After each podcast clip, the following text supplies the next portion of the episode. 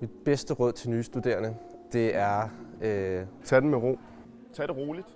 Tag det roligt. tag det helt roligt. Altså, bare spring ud i det. Lad være med at lade være med at søge ind. Find ud af, hvad du bedst kan lide ved at være studerende på Københavns Universitet. Og nyd, at du får en kvalitetsundervisning hver dag. Læg noget energi i de fællesskaber, der er på universitetet, fordi det hjælper altså, øh, når man sidder en fredag aften og har svært ved en opgave, at man kan trække på det netværk, man har på universitetet. Og der kan være meget, der virker sådan øh, svært og udfordrende i starten. I skal nok finde ud af, at alle har det sådan, når det er, de starter.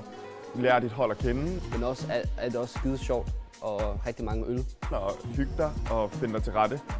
Og så øh, prøv at nyde det. Kig uden for bøgerne og øh, engager dig i noget socialt. Måske den fedeste tid i dit liv, hvor du har mest tid til at lave nogle af de ting, du interesserer dig for.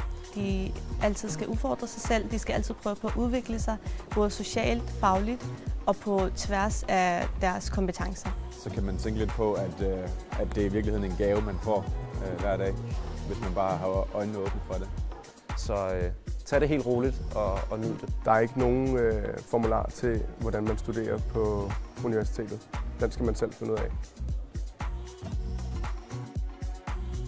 Det du skal huske på, det er nu, når du starter og du studerer, og det ikke er nemt, så er det ikke the end of the world. Tværtimod, det er faktisk starten på dit liv mod fremtiden. Altså, så nyd den tid, nyd at du ligesom har den mulighed for at kunne starte dit liv op på en helt anden måde.